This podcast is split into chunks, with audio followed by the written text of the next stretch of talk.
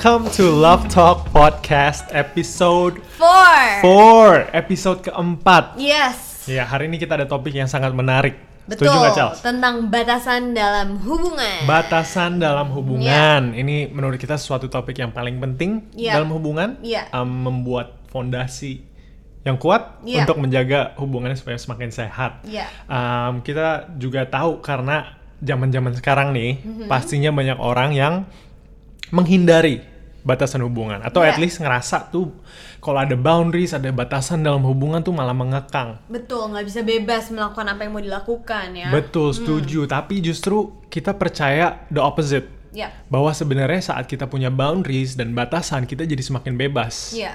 karena dari awalnya kita udah bisa ngeset apa hubungan ini akan seperti apa apa yang akan dilakukan apa yang nggak akan dilakukan. Iya. um, nilai-nilai nilai-nilai nilai-nilai apa Values, values apa yang kalian mau um, jalanin dalam hubungan ini ya kan Iya. Oke langsung aja kita mau sharing dulu awalnya nih batasan-batasan tuh tipe-tipenya seperti apa aja dalam hubungan pasti yang paling obvious adalah Sentuhan. sentuhan Mhm. physical touch kedua adalah perkataan Um, kita harus sadar bahwa mulut kita tuh punya kuasa Iya. bisa membangun atau menjatuhkan Iya. ketiga tuh kejujuran Mhm. biar sama-sama tahu ekspektasi kejujurannya seperti apa dalam hubungan dari Iya. awal Lebih enak jujur ya pasti. lebih enak jujur pastinya tapi itu makanya harus di-clearin aja menurut aku sih perlu dibilang iya. aja bahwa um, paling sehat di hubungan ini adalah di saat kita sama-sama jujur nggak harus takut ya nggak Hmm, betul, betul. nggak harus takut jangan bohong-bohong karena justru saat kita jujur um, malah membangun hubungannya oke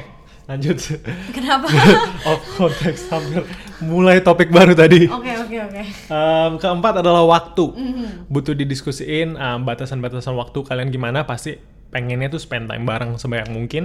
Tapi harus consider juga pekerjaan satu sama lain. Iya. keluarga satu sama lain. Um, gimana sih cara spend time waktu sebaik mungkin Iya. yang sehat. Iya. Um, dan yang kelima menurut kita adalah hubungan dengan orang lain. Yes. Um, pastinya um, dalam hubungan kalian boleh dong kayak punya teman of the opposite sex. Iya. Cuman harus didiskusin aja seberapa deket Iya, betul. gitu loh kayak Iya. ada mungkin dalam hubungan sedikit aneh kalau si cowok deket banget sama cewek kayak sampai jalan berduaan sampai you know terlalu banyak waktu berduaan sama cewek lain Iya, itu itu rada aneh ya. rada aneh jadi Ah. harus didiskusiin menurut Iya. kita sih Betul.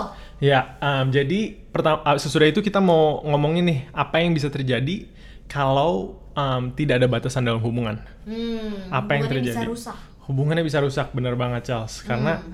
banyak hal yang mungkin pada awalnya tuh um, kamu sebenarnya nggak mau ngelakuin atau nggak pada waktu kamu punya bayangan hubungan dengan um, Si the doi one gitu ya. si doi pasangan yang terbaik um, kamu pengen hubungan yang sehat hubungan yang long term Iya. um, tapi di saat kamu nggak ada batasan Itu bisa bablas ya. itu bisa bablas, itu bisa merusak um, hal-hal nilai-nilai, aduh balik lagi, nilai- nilai, nilai-nilai kehidupan yang kamu percaya kamu bisa sacrifice, Iya. karena kamu nggak ada batasan di awalnya, jadi pada waktu di tengah-tengah hubungan ada godaan atau ada gre, ada situasi datang, karena nggak ada batasan jadi nggak tahu nih, oh ini dilakuin nggak ya atau nggak dilakuin, jadi malah jatuh, setuju nggak Charles? Setuju banget. Ya kan em, salah satunya mungkin having sex before marriage ya Tim. Hmm, Ini kan iya. yang jadi godaan terbesar juga Betul, ya dalam dalam hubungan. hubungan. Mhm. Dan balik lagi kalau misalnya kalian udah dengar di podcast kita yang episode pertama kita bilang kalau tujuan pacaran itu buat evaluasi. betul,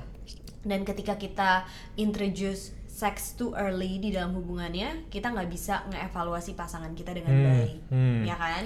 Karena em, ketika kita udah melakukan itu, eh, kita nih otak kita nih kayak udah disuntik sama happy chemicals dan Hmm. membuat kita addicted dengan tubuhnya si pria Si- atau si si wanita, wanita, tersebut gitu ya. You get hooked uh, Hmm. with the sexual experience with that person dan Yeah. kita mulai kehilangan kemampuan untuk benar-benar mengevaluasi Wow, apakah yeah. um, ini seseorang yang uh, tepat untuk aku gitu kah Mhm. apakah aku mau menghabiskan waktuku sama orang ini apakah uh, karena aku percaya gitu ketika kita melangkah ke jenjang pernikahan gitu kita nggak mungkin melakukan itu kayak that's having sex is not everything ngerti nggak sih Iya. tim kita bakal lebih banyak ngobrol Betul. ya kan fondasinya bukan Iya, that's Sex. not the right Yep. foundation gitu kan. Dan um, aku suka banget ada salah satu antropologis namanya Helen Fisher dia bilang kalau casual sex isn't so casual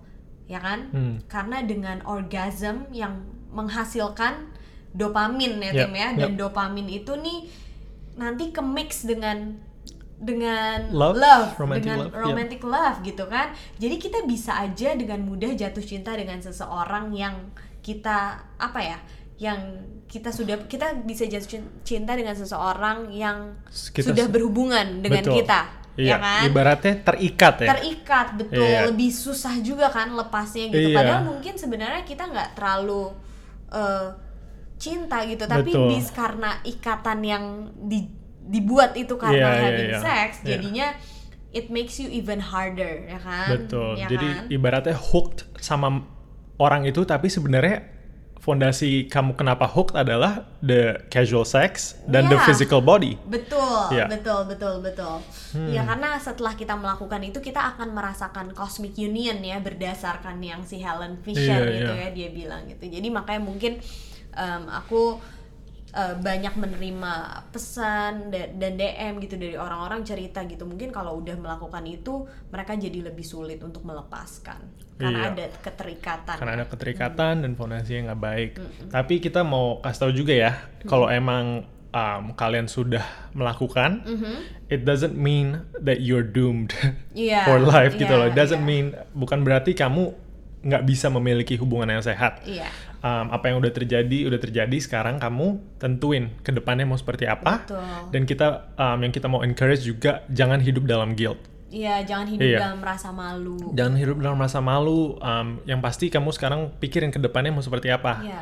Iya, dan jadi bangun hubungan seperti itu karena um, seks itu juga sebenarnya di dalam konteksnya bagus ya Charles. Bagus karena itu uh, seks itu pemberian kan, Iya. pemberian dari Tuhan kan Betul, ya. betul. Jadi kayak it's something yang uh, untuk kita enjoy, Hmm, ya kan? Itu buat bikin seseorang tuh bonding. Betul. Ya kan suami istri bisa bonding gitu kan. Iya. Ya tapi kalau misalnya um, jadi ya itu bukan sesuatu yang buruk ya, Iya. tim. Iya. Hmm. Cuman kalau diambil di luar atau dilakukan di luar konteks yang seharusnya, which is marriage, itu bisa merusak kamu, bisa merusak hubungan kamu. Iya. Um, ya. Iya, oh, dalam ya kita. Dalam juga nih. Gitu ya. Oh my god, Ngomongin kita sex, nggak ngomongin nyangka marriage. ngomongin ini gitu Iya. kan. Tapi ya enaknya karena di podcast kita bisa bebas ya Kita bebas, kita jujur aja nih ya Kita tentang apa yang kita ya. percaya. Deep, deep, deep talk. Deep talk, deep talk, real talk ya. Deep and meaningful conversations. Yes. Iya. Nah, selain itu juga aku mau ngomongin boundaries. Aku baru kepikiran nih. Oke. Tadi apa kan tuh? kita pasti boundaries banyak ngomongin tentang seks. Iya. Tapi selain itu juga um, gim- kayak bagaimana kalian nge-treat satu sama lain. Hmm. Aku uh, lagi baca buku Boundaries dari dua psikologis Henry Cloud sama one other person, aku Iya. lupa. Tapi di mana yang menjadi masalah besar tuh di mana satu pasangan menjadi mengontrol pasangan yang lain. Hmm. Di mana kita punya manusia kan beda-beda. Um, ada orang yang yang mau disuruh apa, iya iya aja. Padahal mungkin hal itu nggak baik buat dia. Iya. Tapi punya pasangan yang controlling, ya Hmm. kan? Dan itu bisa dalam hal apa pun gitu loh. Bisa aja kamu disuruh nge-sacrifice pekerjaan kamu atau nggak nge-sacrifice family kamu. Iya. Tapi karena kamu nggak bisa say no, Jadinya- itu jadi hidup kamu jadi rusak. Kamu jadi ngikutin um, kontrolan pasangan kamu. Iya. Itu sih intinya berarti the power of saying no ya. Iya penting ya. Itu penting. Itu mungkin itu bisa dibilang kunci buat nge-set boundaries ya. Iya, we should be able to say no. We Iya, be benar able ya. to say no dan aku percaya pasti banyak banget um, orang-orang yang memiliki masalah ini. Iya, iya. Kita people pleasing, kita mau menyenangkan orang-orang lain, Iya. tapi kita jadi nggak bisa say no kepada hal-hal yang kita tahu itu nggak baik. Iya, jadi ingat aja pokoknya jangan takut untuk berkata tidak ya, Hmm. karena ketika uh, dan jangan mungkin banyak orang juga takut berkata tidak karena takut ditinggalkan kan, Hmm, ya kan. Jadi hmm. kalaupun kalian ditinggalin ya that's good, Hmm. it's part of the evaluation process ya Betul. kan. Kalau misalnya orang itu nggak bisa menghargai nilai kita, Hmm. value kita dan nggak bisa menghargai tubuh kita, Betul. berarti ya orang itu nggak layak dong untuk Betul. untuk ada di hidup kita. Kan pasti aku Mm-mm. percaya kita semua mau mendapatkan seseorang yang terbaik ya. Yang terbaik. Dan aku juga baca di bukunya Ben Swart dia bilang kalau misalnya pasangan suami istri itu nanti akan melewati musim eh khususnya untuk suami nih.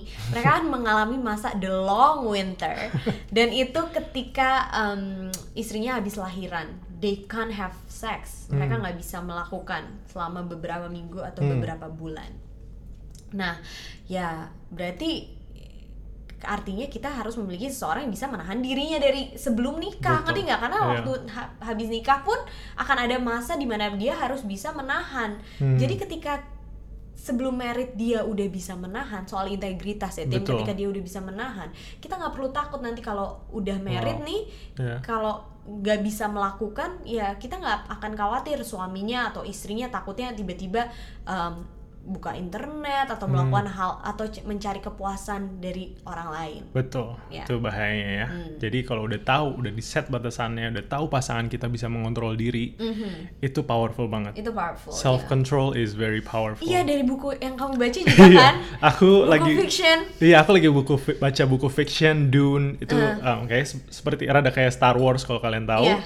Tapi ada satu um, quote yang aku suka banget di mana um, salah satu leadernya Mm-hmm. adalah orang yang bisa mengontrol diri. Iya. Dan ada komentari dari orang lain di mana um, a person with self control is deadly. Hmm. Ya, ini emang di dalam konteks fiction deadly di mana mereka bisa menjadi semakin kuat tapi di dalam hidup kita juga kalau kita punya self control kita tuh itu kuat banget ya. Iya, itu kuat. kunci kunci kunci yes. yang sangat bagus dalam kehidupan. so good Oke, nah I ini love this discussion Yes, very good. kita lanjut ke tipe-tipe orang dalam masalah boundaries. Iya, ini boleh. lebih spesifik ini dari buku yang aku baca juga ada empat tipe-tipe orang. Satu adalah compliance, Mhm. Um, orang yang mengizinkan hal yang buruk. Ini kayak mungkin kayak dari contoh tadi orang yang nggak bisa say no. Hmm. Jadi mungkin ada hal-hal yang dia tahu buruk Iya. atau nggak hal-hal yang sebenarnya dia personally nggak mau ngelakukan, Mhm. tapi, tapi dia lakukan dia lakukan compliance dia Compliance. maunya bilang iya iya aja mungkin dia takut to say no Iya. mungkin dia nggak mau bikin orang lain sedih Mhm. tapi ini dia salah satu masalah asal tipe orang compliance adalah masalah boundaries ya kedua av- avoidance Mhm. orang yang menolak hal yang baik orang yang menjauhkan diri dari hal yang baik ya jadi orang yang um, dia nggak punya batasan sam- kayak gimana ya kayak hidupnya rada blurry lah Hmm. you know kayak dia nggak avoid hal-hal yang baik padahal um, mungkin nggak mau sacrifice Mhm.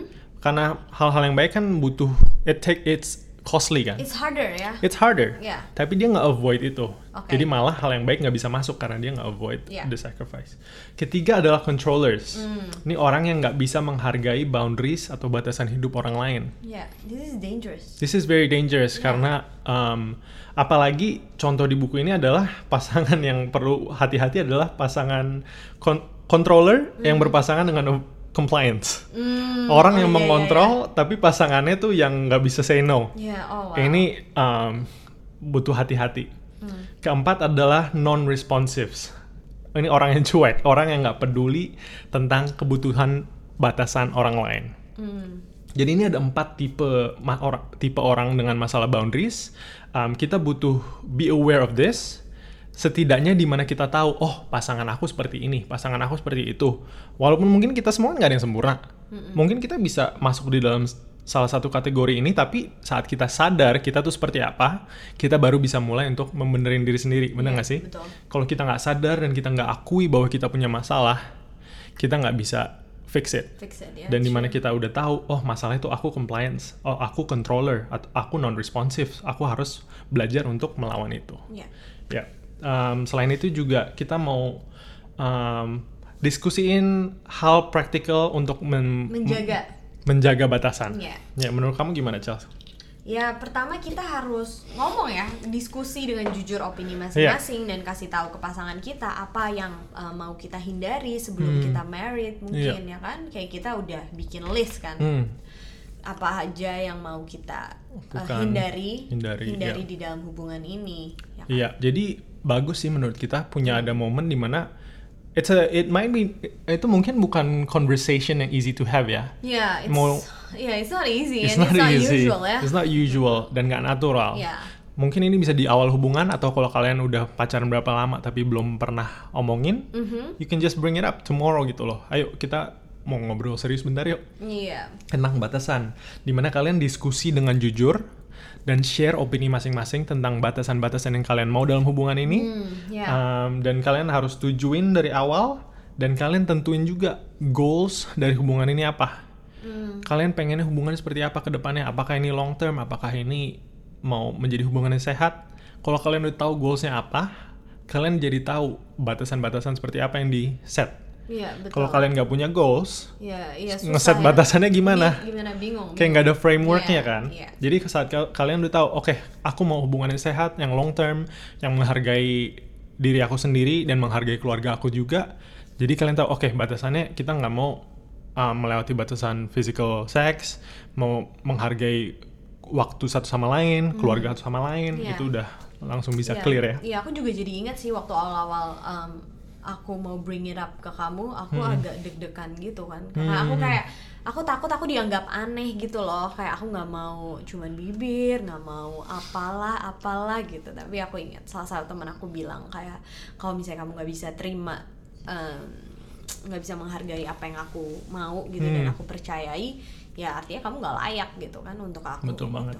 Nah, iya itu pas nih kita lanjut ke poin terakhir ya, Iya. yaitu tentang um, bagaimana kita menghadapi di saat kita punya perbedaan pendapat. Iya. Dan aku setuju banget dengan cara kamu di mana kamu tahu kamu mulai belajar kan dari temen itu Iya. di mana kalau emang si aku dia nggak mau menghargai batasan ini berarti ini nggak- it's not gonna work. Iya, it's not gonna work. Iya, jadi pada saat kalian punya perbedaan-perbedaan pendapat, kalian harus pikirin.